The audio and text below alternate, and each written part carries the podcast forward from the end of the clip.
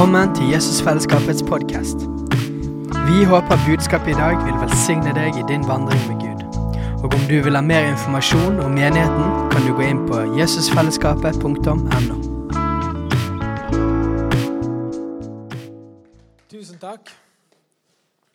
Ja, Joel eh, han får jo veldig mye oppmerksomhet for tiden. Og da, da slutter jeg meg til det at den som ærer sønnen, ærer Faderen. Så, så det, det, kommer jeg ganske bra ifra. Ja, tusen takk for invitasjonen. Bjarte heter jeg. Eh, jeg er 40 år og har bodd i denne byen alltid.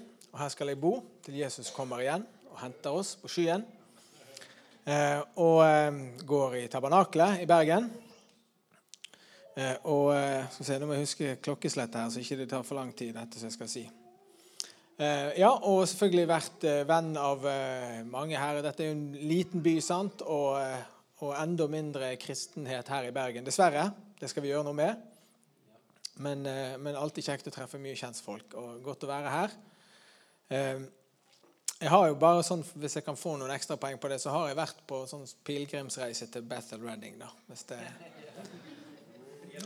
Ja, jeg syns det må være bra. Nei, men Vi må jo ha litt selvironi på disse kulturene våre. må ikke vi det? Og Jeg syns det var fantastisk å være der. Og når vi hadde vært der, Linda og jeg og familien, så var vi bare veldig enige om at det er et fantastisk sted som vi må reise tilbake til. Snakket om det så sent som i går. Så, og det er noe med det å være koblet på noe som er inspirerende og litt sånn. Jeg har det sånn i min jobb eh, at jeg har eh, en del ting i Amerika som jeg eh, følger med stor interesse, som jeg lar meg inspirere av, og da tar jeg av og til en tur. Eh, bort dit. Jeg var der senest for en uke siden eh, på en sånn greie. Så jobber jeg i en avis som heter Norge i dag. Eh, som, som dere sikkert har lest hjemme hos mor og far. Eller noe sånt. Men vi holder på med en nettsatsing nå som skal gjøre at vi tror vi skal nå ut til nye og yngre grupper. Eh, ikke fordi at vi skal bare selge en vare eller et budskap, eller sånt, men fordi at vi virkelig vil involvere folk i samfunnets ve og vel. Eh, og Det skal jeg si litt om i dag. Vi er jo så opptatt av samfunnet vårt og landet vårt og politikken og verdiene som styrer i landet. Og så snakker vi så lite om det i menigheten. Vi har store grupper med kristne som er engasjert i politikk eller i forskjellig slags påvirkning eller i organisasjoner som kjemper for eller mot det ene eller det andre.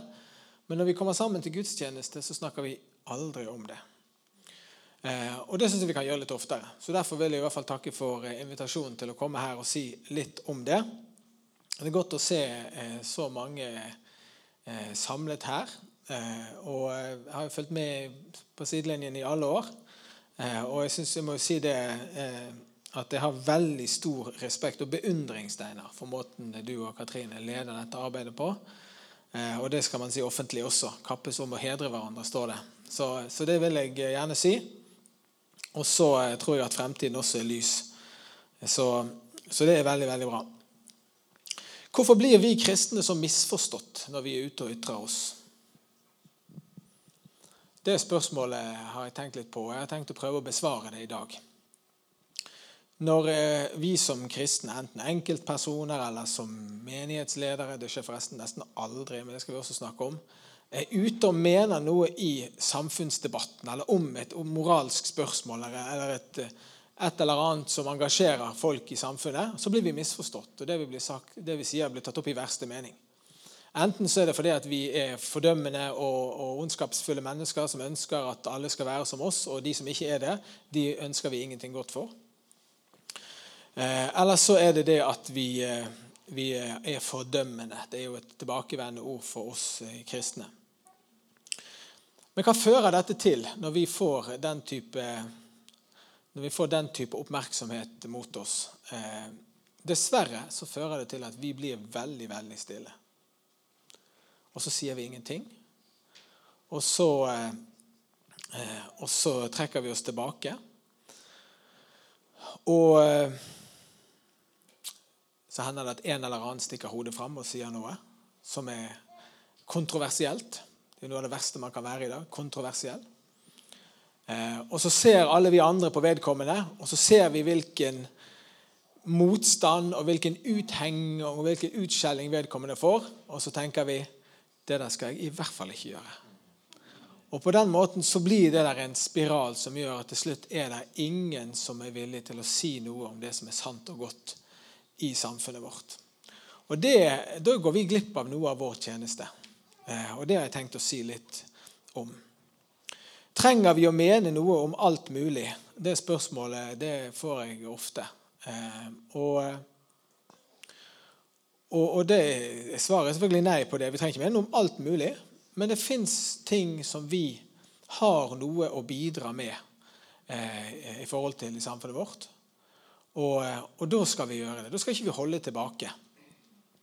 Eh, Norge trenger å høre fra den kristne menighet om så mange ting og Det er nok av eksempler i historien der menigheter har trukket seg tilbake, og veldig veldig skadelige ting har fått utvikle seg i samfunnet. Ideologier, eh, kulturer som har, eh, som har, kostet mange mange mennesker livet, og som har ødelagt hele nasjoner og kulturer. kulturer. Det første spørsmålet jeg vil stille da, Har vi et kall til å mene noe om moralske, politiske og samfunnsmessige spørsmål? opplagt at jeg mener svaret ja. Men det er jo ikke alle kanskje ikke alle her heller, som mener det. at Vi skal mene, vi skal jo bare snakke om Jesus og be for syke og forkynne evangeliet osv. Men det som i hvert fall er på det rene, det er det at vi som kristne også skal ta del i samfunnet, i betydningen at vi skal være med og påvirke politikken. Vi skal være i politikken. Vi skal være i, på de samfunnsinstitusjoner der beslutninger tas. Og Vi har eksempler på det fra Bibelen. Både Daniel og Josef gjorde tjeneste for kongen. Eh, I dag ville vi kalt de politikere. De var statsråder eller noe tilsvarende. Eh, og Jesu tjeneste den hadde jo ikke bare med frelse å gjøre. Bare, kom ikke bare for å frelse verden, men han kom for å se til hele mennesket. Han kom for å helbrede, han kom for å gi mat til de som ikke hadde mat. Han kom for å forsone mennesker med Gud og med hverandre. I bergpreken, som er en av de mest kjente tingene som Jesus etterlot seg, så sier han salig er de barmhjertige, salige er de som skaper fred. Det handler om så mye mer enn å bare komme sammen i et gudshus en gang i uken eller flere ganger i uken og forkynne evangeliet. Det handler om vår involvering i samfunnet rundt oss. Og hvordan skaper man fred? For det kan jo bli noe litt sånn diffust å skape fred. Men De gangene det skjer, så skjer det jo nettopp gjennom at noen engasjerer seg og tar en omkostning i samfunnet, i politikken, for å føre folkegrupper sammen som kriger mot hverandre. Og Vi har jo to ferske eksempler fra Nobels fredspris som har gått til pinsevenner, som pga. sitt kristne engasjement har vært involvert i fredens sak. Så det er helt i tråd med Guds ord. Men vi lever jo i en litt annen kultur, og derfor har vi en tendens til å trekke oss tilbake. Og så er det noen som sier Jesus sier at 'gi keiseren det som keiserens er'. Eh, og så blir det en slags kodeord for å holde seg utenfor alt som har med styre og stell å gjøre. Men det var ikke sånn det var ment. Eh, vi arbeider i Guds rike. Men samfunnet vårt, staten, våre fellesarenaer det er også et verktøy for å gjøre det gode. For å være i den gode tjeneste. Og det skal ikke bare skje i menighetsregi. Blant de som ledet kampen for å avvikle slaveriet i USA, så var to tredjedeler kristne pastorer. Eh, det var jo når evangeliet fikk innflytelse i den vestlige verden, at det ble forbudt å sette barna ut i skogen for å dø hvis de var uønsket. Også i vårt eget land. Eh, det var kristne som fikk en slutt på gladiatorkampen i Roma, der det å drepe mennesker var blitt underholdning så folk kom sammen for å se. Kristendommen var en sånn kraft som påvirket samfunnet til det gode. Når evangeliet forkynnes, og kristne vitner taler sannhet til makten, til folket, til nasjonen, så blir mennesker, byer og nasjoner velsignet. Og hvis vi ikke gjør det, så blir det det motsatte. Så Det fins de som mener at vi ikke burde være engasjert på noe vis. Men det som er helt typisk for dem, er at de befinner seg i Vesten, i vår lille boble, som vi lever i, og som du og jeg er oppvokst i, der vi har fred og frihet og pluralisme, vi kan være oss sjøl osv., der vi har trygghet, der vi har en velferdsstat osv. Men det samfunnet som vi lever i, det er jo helt, helt unormalt. Så hvis du ser både i verden i dag, men også i historien altså Det å leve i en sånn liten boble er noe helt spesielt, som du og jeg tar for gitt, og som vi burde takke Gud for, men som er helt, helt atypisk. Det som andre mennesker lever i i verden. Og i hvert fall hvis du ser tilbake i historien. Så vi lever i en slags unntakstilstand, og da blir det veldig bekvemt å si det går jo så bra. Vi har jo alle disse frihetene og alle disse gode, vi har dette gode samfunnet. La noen andre ta seg av engasjementet i samfunnet. Men det er ikke like lett hvis du lever i et undertrykkende regime. Det er ikke lett hvis du skal drive en undergrunnskirke i Kina eller i Nord-Korea. I Hongkong for eksempel, så står jo nå kineserne og ønsker å presse den lille eh, enklaven eh, til å ta fra de friheter som de har fått som en del av en kristen nasjon, som en del av Storbritannia.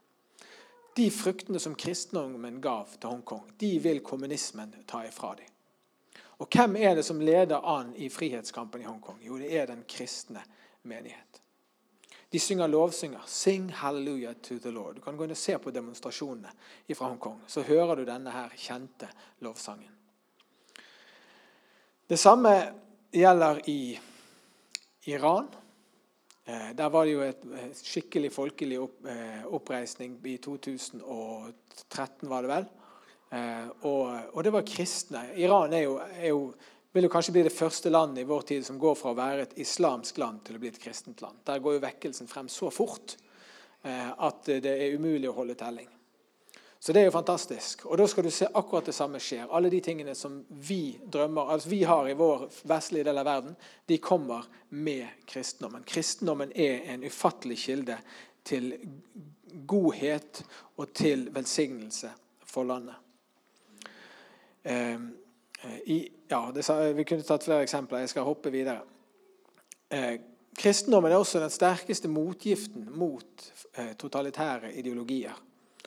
Eh, det var det mot eh, fascismen i Sør-Amerika. Det kom akkurat en bok her i Norge der de spurte om Gud er populist, altså om han er høyrepopulist.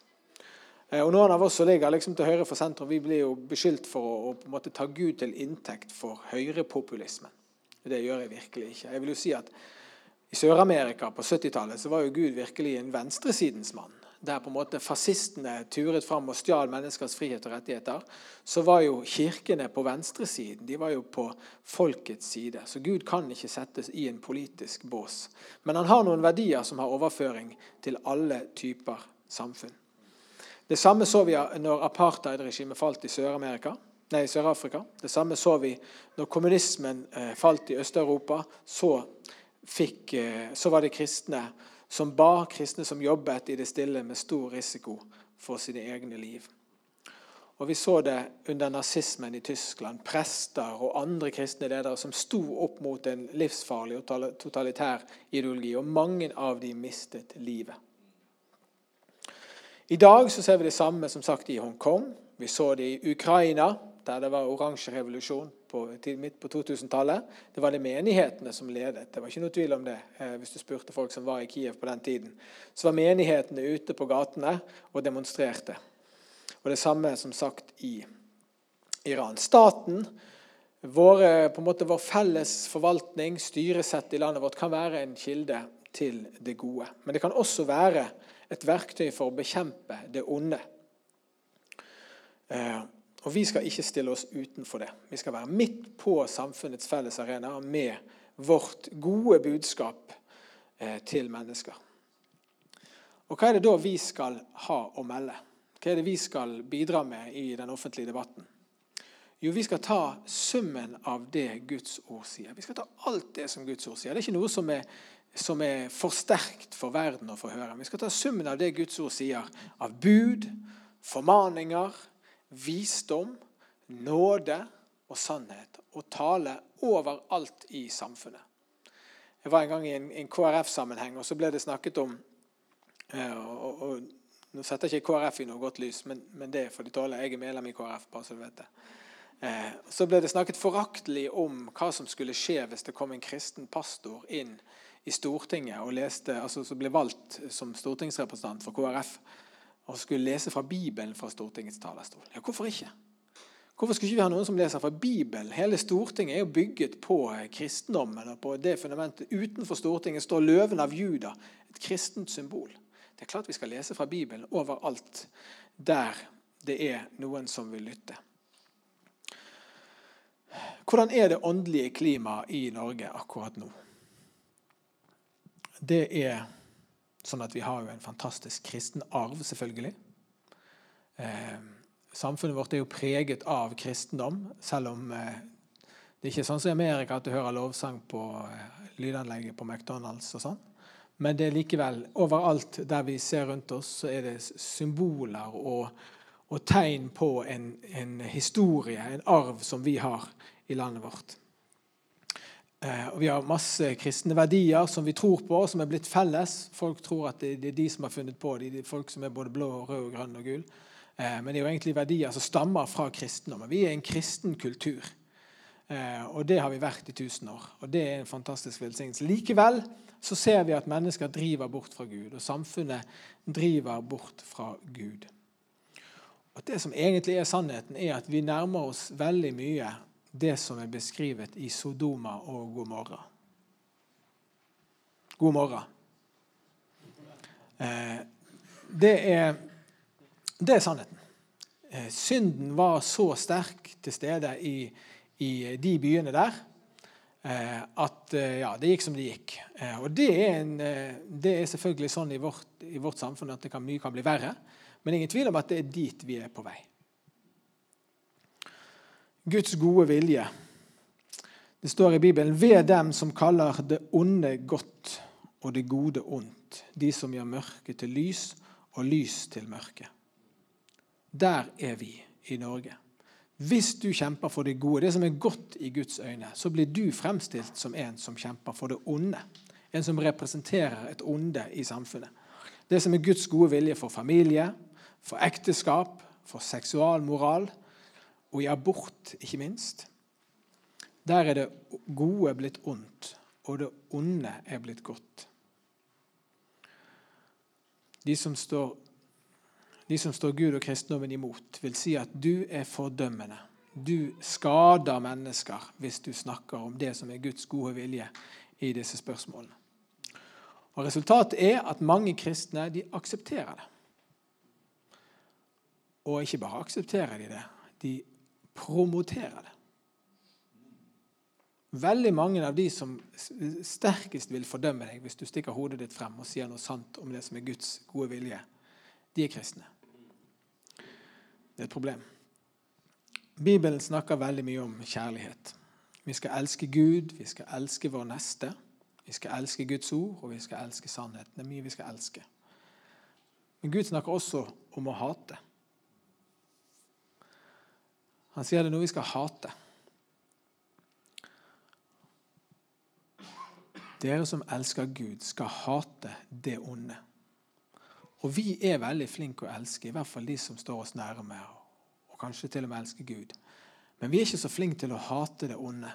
Vi er i det hele tatt ganske flinke til å tolerere det onde og akseptere det og se mellom fingrene og se hvilken skade det gjør i menneskers liv.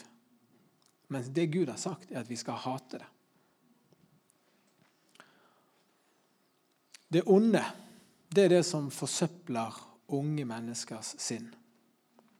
Det er det som stjeler sjelen deres og hjertet deres. Det er det som utnytter dem og gjør dem til en gjenstand for noen andres utbytte. Det er det som fratar dem en god oppvekst, en mor og en far. Det er det som sender unge ut i voksenlivet med sår og behov som plager de hele livet ut. Det er det som dreper barna i mors liv. Det er det som fratar mennesker grunnleggende rettigheter til å tro og ytre seg og utfolde seg. Det er det som skaper disharmoni i samfunnet vårt. Og det er det som lyger til mennesker om hvem de er, og om hvem Gud er. Og det skal vi hate, for Gud hater det. Det står i Johannes 10,10.: 10, Tyven kommer bare for å stjele, drepe og ødelegge. Og Det er en så god beskrivelse på veldig mye av det som får fritt leide i samfunnet vårt. Og hvem skal reise seg mot dette hvis ikke det er oss? Og når skal det skje hvis ikke det er nå i vår tid? Så hva kan vi gjøre? Hva skal være vår tilnærming til dette? Jeg pleier å definere det inn i tre hovedkategorier. Den første er de som vil være stille og si ingenting. Og det er det vanligste. Det er det vanligste. Stille, si ingenting. Si ingenting i media, si ingenting på Facebook, si ingenting på arbeidsplassen. Si ingenting. Da går det bra. Eh, nå har vi akkurat sett eh, to tilfeller de siste par ukene. Noen som har blitt roastet skikkelig offentlig fordi at de har stått opp for Gud. Andreas Håtveit er den ene. Det er mange capser her. Dere vet jo hvem Andreas Håtveit er. Eh, han ut, eh, gikk ut og sa noe om eh, denne homofilisaken som går i krig. Sant? At det der mener Eh, mener han at, at, de som ikke vil leve i tråd med Guds ord på det området der, de bør ikke være ledere. Et synspunkt som har vært helt standard i 1000 år. Ingen som ville finne på noe annet og foreslå noe annet utover de siste 30 årene. Og hva skjer med resten av den kristne bevegelsen? Det blir stille som i graven. Og der står Andreas Håtveit til spott og spe og står det noen andre rundt omkring og tenker eh, at eh, neste gang skal det være meg, så er det opplagt at de vil trekke den konklusjonen at det der gjør man bare ikke. Ehm, det andre det er Norsk lærerakademi. De har akkurat hatt en sånn her eh, ja, De har ikke gjort det sjøl engang, de har bare leid ut lokaler til noen som ville hjelpe mennesker ut av transkjønnethet hvis de sjøl tok kontakt og ønsket det. Altså, det er ikke snakk om å gå inn på skolen og fortelle folk hva de skal gjøre, men folk som ber om hjelp. Eh, og dette snakket de litt om. Og det ble en massiv fordømmelse. Og det er stille som i graven fra den kristne menigheten. Og det som vi gjør da, når vi ikke sier noe For jeg sier vi, jeg prøver å involvere oss i dette, her, sant? sånn at vi ikke tror at dette angår alle andre, men dette angår oss. Det at vi lærer alle at hvis de våger å stikke hodet frem, så får de ingen støtte. Og det andre er at eh, de som står på siden og vurderer om de skulle gjøre noe, de kan vite at de heller ikke får noen støtte. Og Sånn sabler vi ned de som egentlig har både kall og frimodighet til å være en stemme for sannheten i samfunnet vårt. Andre, den andre approachen som vi kan velge, det er å gå utenom alle de vanskelige spørsmålene. Vær veldig samfunnsengasjert, og gjerne med Bibelen i hånden, men bare liksom smyge oss forbi alt det som er vanskelig. De vil erkjenne at vi egentlig har et kall til samfunnet. Vi skal være lys og salt i denne verden. De vil gjerne fremstå som at vi har en stemme, men gå utenom alt som kan skape reaksjoner. Jeg vil heller snakke om det som kan gi meg anerkjennelse. Om klimaet vårt, eller om fattigdom og fordeling og ressurser og slaveri og ting som alle er gode. For all del, ikke misforstå. Eh, men som veldig fort blir bare måter å gå utenom der slaget virkelig står. Og I stedet for at man tar de harde kampene der vi vet at fienden ønsker å ødelegge menneskers liv, eh, så velger vi minste motstands vei. Og så er dette her svakhet forkledd som fromhet. Er dette for tøft for dere å høre her i Jesusfellesskapet? Er det noen som kjenner noe av dette igjen? Hmm. Jeg tror det fins en tredje vei. Eh, og det er den jeg ønsker å jobbe for. Og jeg jobber jo med dette her. Jeg jobber i, i, i denne sektoren av samfunnet vårt. Og det er å være en stemme av sannhet. Eh, når vi skal ta på oss Guds fulle rustning, så står det aller første vi skal ta på oss, det er sannhetens belte om livet. Der begynner det. Alt vi sier, alt vi gjør, må være bygget på sannheten. Efeserne 6,14. Stå der fast. Spenn sannhetens belte rundt livet. Et annet godt ord er Johannes 8.32. Dere skal kjenne sannheten, og sannheten skal sette dere fri. Hva er egentlig sannhet? Jo, Johannes 17.17 17 sier, 'Hellige dem i sannheten. Ditt ord er sannhet'. Ingenting annet er sannhet. Og Da kan du ta det ordet, det er Guds ord som du kjenner, og så kan du overføre det på alle de tingene vi har snakket om nå, og så har du sannheten. Det er Guds ord som snakker sant om alle disse tingene som rører seg i vår tid. Ingenting annet. Hvis noen sier noe som er motstrid mot Guds ord, så er det ikke sannhet. Vårt kall er å være en sånn stemme for sannhet. Både i våre relasjoner, eh, på våre arbeidsplasser, overalt. Der vi har anledning til å ytre oss, og det har vi veldig, veldig ofte. Men det blir ikke populært. Det er sånn som vi sang med Børud-gjengen. Hvis du er tøff nok, så er det ikke sikkert at det blir så populært. Eller at du blir så populær. Men hvilket vitnesbyrd det er når vi likevel gjør det. Til den kvinnen som ble lurt eller presset til en abort, og som går og bærer på dette her hele livet, så er det noen som sier endelig sannheten, og som resonnerer i hennes hjerte. Eh, fordi at hun vet det. Hun visste at dette var i strid med naturen, i strid med den hun var skapt til å være. Og så var det sannheten som kunne sette henne frihet, mens hele samfunnet løy til henne gjennom hele hennes liv. Eller til den som vokste opp i et hjem der fiendens vilje fikk råde, enten det var på den ene eller andre måten. Så kom det noen og talte sannhet inn i den situasjonen, eller i ettertid, og var med og satte mennesker i frihet. Og hvilket vitnesbyrd det er til de som ser etter noen som vil stå for noe. Og det er det mange som gjør. Det er ikke typisk for vår kultur at man skal stå for noe. Det er tvert imot veldig relativistisk. Det beste du kan gjøre i dag, i manges øyne, er å ikke stå for noen ting som helst. Alt er relativt, alt er like greit. Likevel så ser vi at folk venner seg til islam, fordi at der opplever de at det er noen som står for noe. Men det er jo vi som har det vitnesbyrdet. Det er jo vi som skal stå for sannheten og som skal være et vitnesbyrd for mennesker. I 1500 år så var det sånn at uh, innenfor den kristne kirke så kunne man betale seg ut av syndens konsekvenser. Gud var blitt et redskap for makt over mennesker, til undertrykkelse. De sa det at Gud kunne ikke åpenbare seg for den enkelte. Ordet var ikke for den enkelte. Ånden var ikke for den enkelte. Og Så kom reformasjonen, og så står Martin Luther i riksdagen i Worms, og så sier han bevæpnet bare med sannheten. Og hele Europa var på bristepunktet. Min samvittighet er fanget i Guds ord. Her står jeg og kan ikke annet. Gud hjelpe meg. Amen. Tenk om vi hadde noen sånne vitner som sa det i møte med alt det som slynges imot oss. Og Det øyeblikket der Martin Luther sto opp for sannheten, forandret verden for all ettertid. Du sitter her preget av resultatene av reformasjonen, så mye at du ikke forstår det sjøl engang. Å stå for sannheten er radikalt, men det er også velsignet.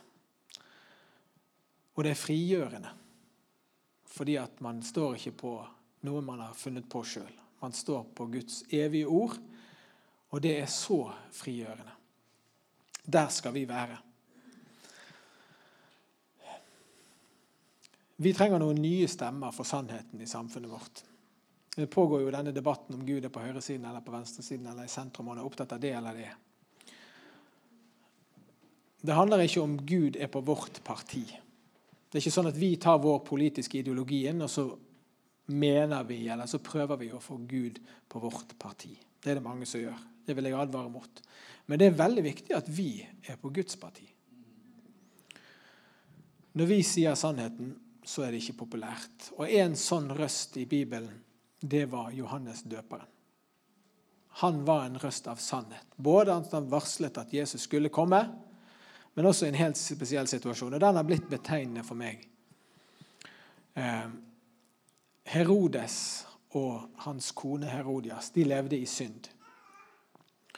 Og Johannes døperen han sa sannheten om denne synden. Og Det ble sånn at både Herodes og Herodias hatet Johannes døperen for det. Fordi han sa det er ikke tillatt for dere å være sammen. Og hva gjorde de? Jo, de kastet han i fangehullet. De tok fra han friheten, de tok fra han talerstolen. Og vi kan trygt si at Johannes døperen var ikke lenger en trussel for Herodes og Herodias. Han var nøytralisert. Minst like mye som samfunnet har klart å nøytralisere oss kristne. Men så skjer det noe som jeg syns kaster lys over veldig mye, og som jeg tror jeg svarer på det spørsmålet som jeg startet med. Hvorfor vi tror vi blir så misforstått. Ja, Herodes, Herodias datter danset for, for Herodes, og det oppsto en situasjon der hun skulle få alt hun ba om. Eh, og, og, hvis hun ja, skulle få alt hun ba om. Og Så konfererte hun litt med sin mor, og så ble de enige om gi meg Johannes døperens hode på et fat. Hun kunne fått hva hun ville. Johannes døperen var i fangehullet, nøytralisert, fratatt sin talerstol, fratatt all innflytelse. Men det var ikke nok, og det er lærdommen til oss. Det vil alltid være noen som aldri tåler den kristne stemmen, som aldri tåler sannheten, som ikke er tilfreds når den tvinges til taushet, og som vil ha dens hode på et fat. De tåler ikke den stemmen, og den må stilnes. Det er derfor du blir misforstått. Det er ikke fordi at du sier ting på en støtende måte. Det er ikke fordi at uh, du er ukjærlig eller ikke har forstått tiden vi lever i osv. Men det er pga. det der som Herodes hustru gjorde.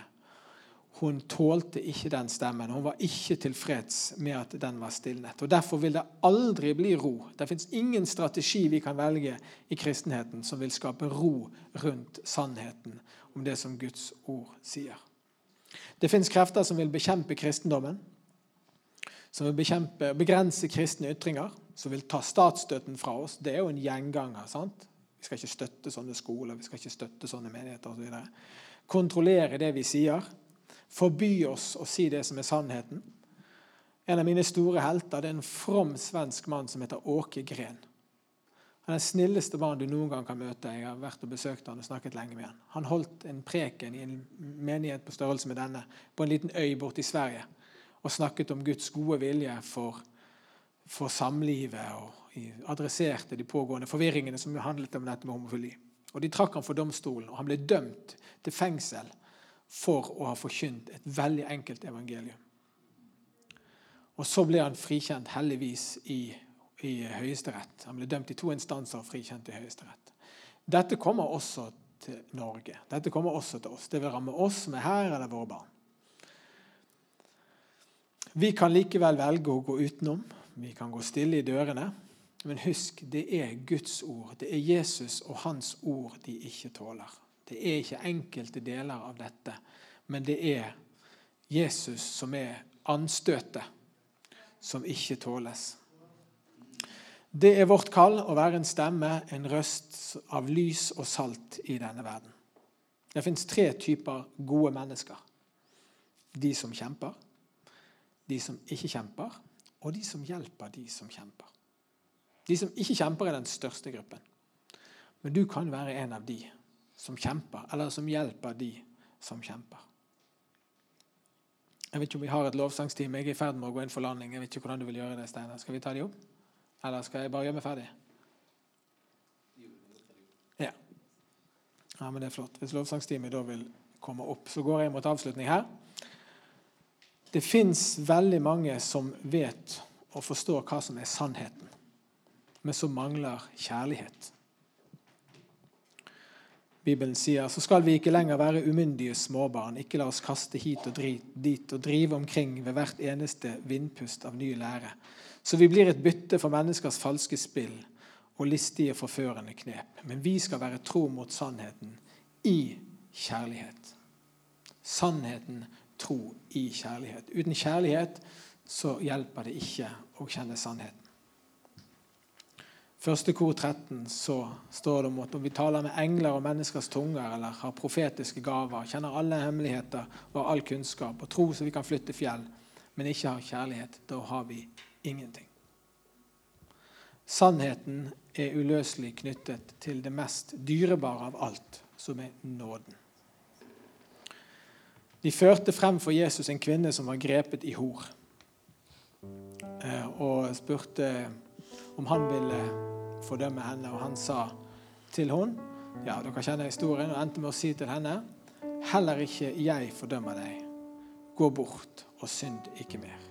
Nåde og sannhet. Det er mange som bare vil ha det ene. Nåden Heller ikke jeg fordømmer deg. Heller ikke vi skal fordømme mennesker. Men gå bort og synd ikke mer. Velg Guds gode vilje. Det fins mange mennesker som kjemper i dag i Norge for å få leve ut sine lyster. Og hvis vi pirker under overflaten, så er det så mange av dem. Bare de som offentlig har fortalt sin historie om det de har gått gjennom, som har ført dem til det punktet der de er. Preget av misbruk, overgrep og traumer. Eh, kjærligheten kan være å si de tingene som er sant, men som mennesker ikke ønsker å høre.